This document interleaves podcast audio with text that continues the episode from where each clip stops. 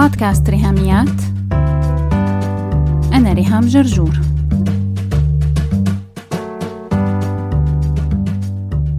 مرحبا. اليوم الحلقة الثانية من سلسلة ترفقي بنفسك. ورح نكمل حديثنا بحلقة رقم 94 من بودكاست ريهاميات عن أسباب احتياجنا للترفق بالنفس. حكينا بالحلقة الماضية عن تعريف ترفقي بنفسك وعن صوت الندام يلي براسي. ندام هي الناقدة الداخلية الآه المتنمرة. وأنا لازم سكت صوتها حتى أستبدله بال self compassion أو ال self kindness وقلنا أنه كلمة ترفق بالعربي جاي من جذر رفقة ومنها كلمة رفيقة. راح أطرد الندام اللي براسي واستبدلها برفيقة أو صديقة. ففعليا لما تترفقي بنفسك أنت بتكوني عم تتصاحبي على حالك عم تفصلي صوت الندام اللي جواتك وتعترفي بوجوده. عم تفهمي الندام شو عم تحاول تعمل فلازم تقولي لها شكرا ووداعا. تشكريه على محاولاتها لحمايتك ومساعدتك لكن تقولي لها إجا الوقت يلي فيه تغادري راسي ويسكت صوت الناقضة الداخلية وألم المتنمرة لحتى يجي مكانه صوت رفيقتي المترفقة بي.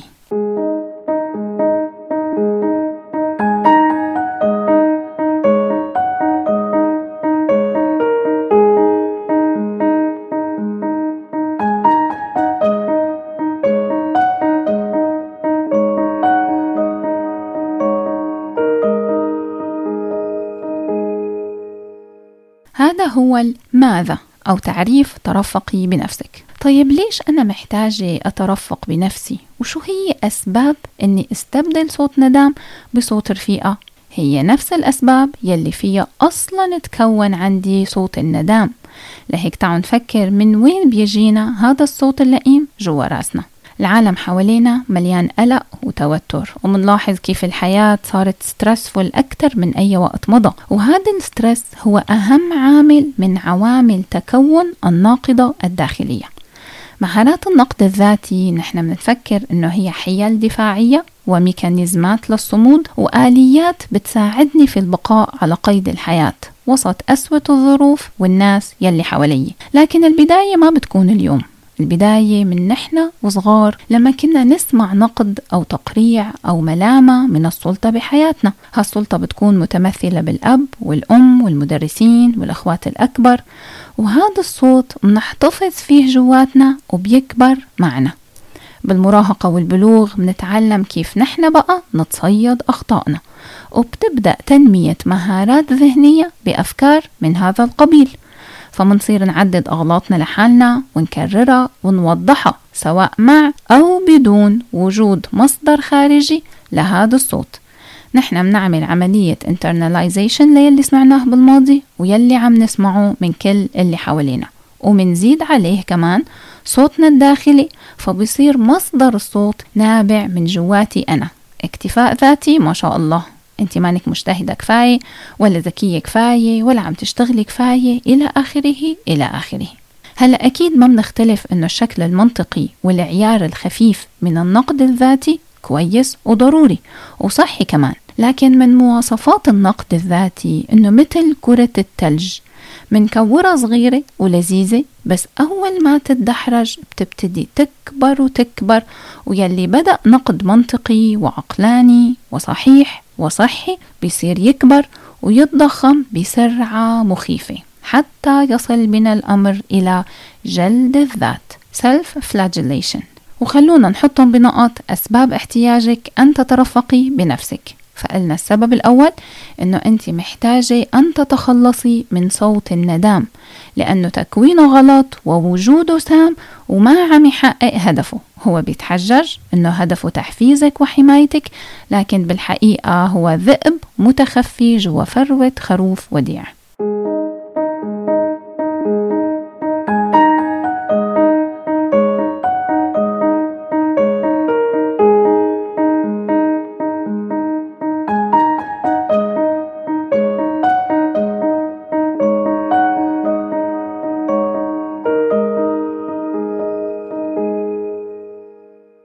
سبب لتترفقي بنفسك هو النمو والتغيير. المنطق الشائع بيقول أن قبول النفس يتناقض مع التغيير. إنه لو أنا قبلت حالي هيك مثل ما أنا فخلص ليش حتى أتغير أو أنمو؟ كارل روجرز من أشهر الآباء المؤسسين لعلم النفس بيقول المفارقة الغريبة هي أنني عندما أقبل نفسي كما أنا يمكنني أن أتغير. ترفقي بنفسك حتى تقبلي نفسك. ترفقي بنفسك حتى تعطيها الأمان وتشوفي نفسك بوضوح أكثر. ترفقي بنفسك لأن الترفق بالنفس هو البيئة الصحية للنمو والتغيير مثل الشمس للتربة والماء للزرعة حتى تنمو. أنا حابة تكون حياتي فيها معنى أكتر سعادة أكتر لهيك رح أترفق بنفسي حتى أرعى هالبذور بعناية ولطف ودفى وساعدها أنه تنمو. هل يمكن تجي عاصفة؟ يمكن. هل يمكن تطلع لي دودة أو يهجم علي جراد؟ طبعا ممكن لأنه أنا ما عندي ضمانات ولا أنا مولودة ب total control يلي مفكرة حالي عايشته وهذا بينقلنا لثالث سبب لأن تترفقي بنفسك.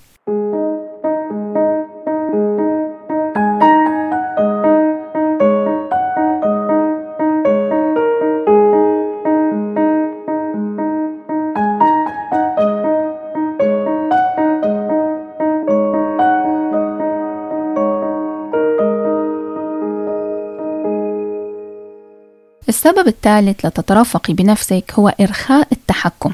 صوت الندام مؤلم. الناقدة الداخلية بتوجعني وبتسبب لي معاناة. لكن هي بنفس الوقت بتشبع عندي هوس إني أكون in control لكن هل هذا صحيح؟ هل أنا فعلا in control؟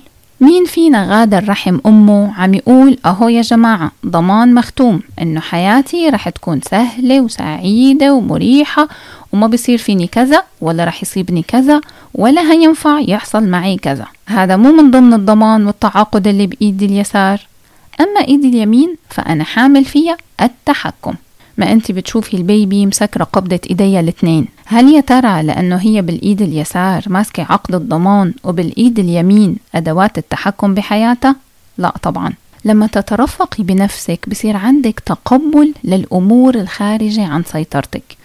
وبترخي عن نفسك فكرة التحكم لأنه الحياة هي هيك والمعاناة جزء من الحياة والفشل جزء من الحياة والمشاكل والصعوبات جزء من الحياة. فمن وين انزرعت براسنا هالكذبة؟ إنه المشاكل هي استثناء. فأنا لازم أكون ناجحة وبس سعيدة وبس جميلة وبس بطلة وبس مثالية وبس. مخلصة كل شي ومتألقة بكل شي ومميزة وتوب التوب بكل شي وبس. طبعا أكيد لازم نذكر دور ال social media كيف سممت عقولنا بالصور المثالية ال perfect وبالأرقام. تسميم عقولنا بالأرقام بيجي بأسئلة بريئة. كم follower عندك على انستغرام كم like طلع لك على الفيسبوك؟ كم view إجاكي على اليوتيوب؟ وغيرها وغيراتها من الأرقام. يلي يا محلى أرقام زمان.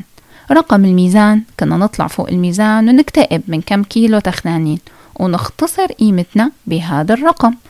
بالمدرسة كنا نختصر قيمتنا بالعلامات والدرجات للامتحان. أنا طول عمري كنت لوحة شرف ومن المتفوقات بمدرستي. وكم من ناس حوالي يلي كانوا مختصريني بهذا الرقم. طلعت الثانية على الصف طلعت الرابعة على الصف فطبعا السؤال التقليدي حفاظا على التراث البنت اللي طلعت الأولى أحسن منك بشو؟ أو لو كنت مثلا جايبة تسعة ونص من عشرة والبنت اللي جايبة عشرة من عشرة أحسن منك بشو؟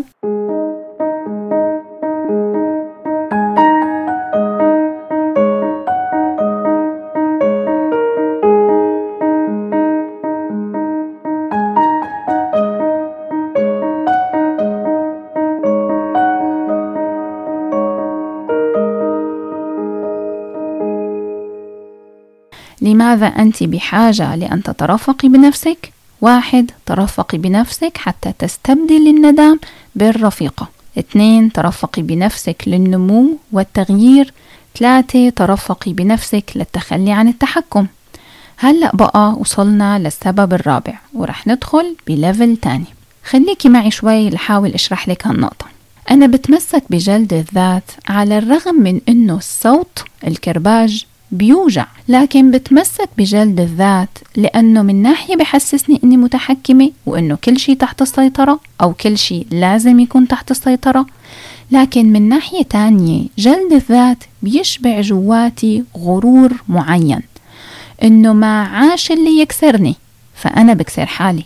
ما في موقف رح يجيبني الأرض ولا في مشكلة رح تنجح إنه تنزل لي دمعة. بقوم أنا بقى يلي بمسح بحالي الأرض ومو بس شاطرة بكي حالي لكن شاطرة جرح بحالي لينزل دمي يختلط بدموعي متخيلتيها معي هالصورة؟ هالعملية هاي بتخلي أن تترفقي بنفسك أمر مخيف فعلا مرعب إني أنا أكون لطيفة مع حالي ومتفهمة لضعفاتي وواعية لمعاناتي وشايفة إنه نقائصي هاد حجم الطبيعي البشري العادي ليش عملية السلف كومباشن مخيفة؟ لانها بتخليني vulnerable. الترفق بالنفس بخلي عندي تعرضية وقابلية الإصابة. كلمة vulnerability حيرت عقول علماء اللغة. كيف فينا نترجمها؟ أنا اشتغلت عشر سنين بالترجمة ولسه ما صادفت كلمة بالعربي مقنعة تماما أنه تعبر عن vulnerability. بس بنصحك تسمعي حلقة رقم 60 ورقم 61 من بودكاست ريهاميات. هني من سلسلة حلقات شلفي حكينا فيهم عن كتاب Dare to Lead تجرئي أن تقودي للكاتبة بريني براون يلي هي تعتبر vulnerability guru. أكثر حدا بيحكي عن ال vulnerability رح تشوفي كذا خيار للكلمة لكن أنا بترجمها التعرضية وقابلية الإصابة. فخوفي من أن يكون vulnerable بيخليني ابني سدود وحط متاريس بيني وبين الناس لأحمي حالي منهم. لهيك بجلد الذات علنا أنا بأمارس كم من الإيذاء الذاتي بخليني صخرة. وبفكر أنه أنا هيك حميت حالي. ما في كلمة ممكن حدا يقول لي إياها؟ ما قلتها لحالي أنا قبله. لا وقلت الأشنع منها كمان. رح تتريقوا علي إني فاشلة؟ رح أسبقكن أنا وأعمل من نفسي وضحوكة قبل ما حدا فيكن يفتح تمه. يلا تمسخروا علي. ما أنا يلي عطيتكن إشارة البدء واستبقت التنمر تبعكن وبدأت التنمر على نفسي وعم زاود عليكن وأنا أول الضاحكين والمستهزئين. فأي تنمر رح يطلع منكم رح يكون حجمه حشرة. صوته غير مسموع مقارنة بالضجيج اللي أنا عاملته من الأول خالص كحيلة دفاعية. هذا هو السبب الرابع. ترفقي بنفسك حتى توقفي التنمر.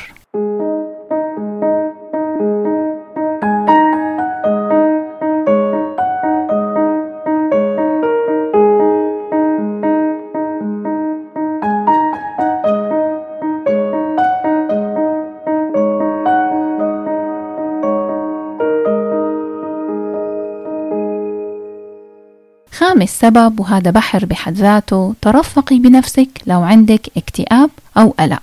متذكرة سيناريو الكافيه؟ لما كنا أنا وياكي وهبة عم نشرب قهوة مع بعض هلأ في عنا سيناريو تاني. بنتك راجعة على البيت بعلامة سيئة بامتحان البيولوجي.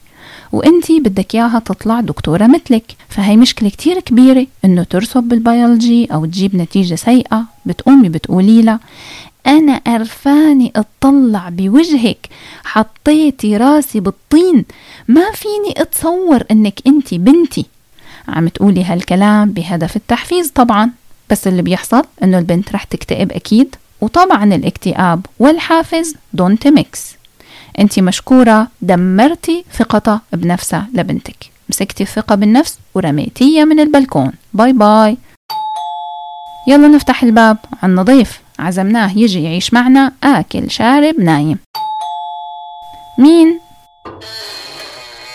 الاكتئاب. يا مرحبا يا ميت أهلا وسهلا. عزمنا الاكتئاب لعنا وأخدناه بالأحضان. وصل الاكتئاب من هون وطارت الثقة بالنفس من هون.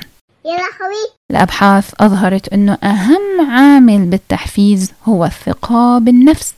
لما يكون عندي إحساس أني قادرة على المهمات الجديدة والصعبة perceived confidence هو يلي رح يحفزني جرب مرة واثنين وعشرة. هلأ لو بنتك رجعت بنفس النتيجة لامتحان البيولوجي بس نحن عم نعمل casting لمشهد بمسلسل فتعي نجرب نتدرب على سيناريو مختلف. أهلا حبيبتي شو أخبار الامتحان؟ يي عن جد؟ طيب أنت شو حاسة هلأ؟ يا هاي نتيجة سيئة كتير خاصة لكلية الطب البشري طيب ليكي شو هلأ أهم شي إنه طبعا هاي النتيجة ما بتختصرك ولا بتعبر عن قدراتك بتصير حبيبتي بتحصل في أحسن العائلات كل الناس بصير معهم هيك وإلا ما يجي امتحان ونفشل فيه بس تعي نفكر سوا. شو السبب يا ترى؟ كيف فينا نجرب نحسن الوضع؟ لو فيني أنا ساعدك أو نجيب أستاذ يشرح لك اللي مانك فهمانتيه.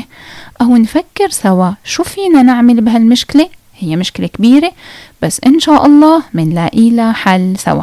أنا بحبك وأنا بدعمك وأنا معك وبصفك.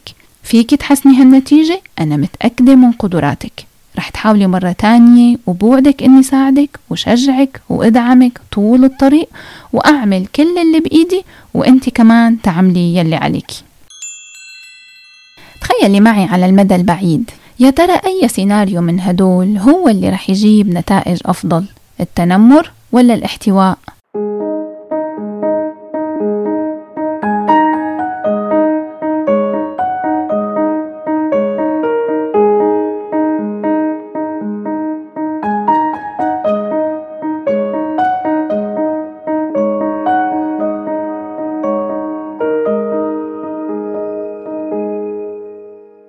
هلأ بدي إياكي ترجعي تفكري بنفس هذا السيناريو تبع البنت والامتحان.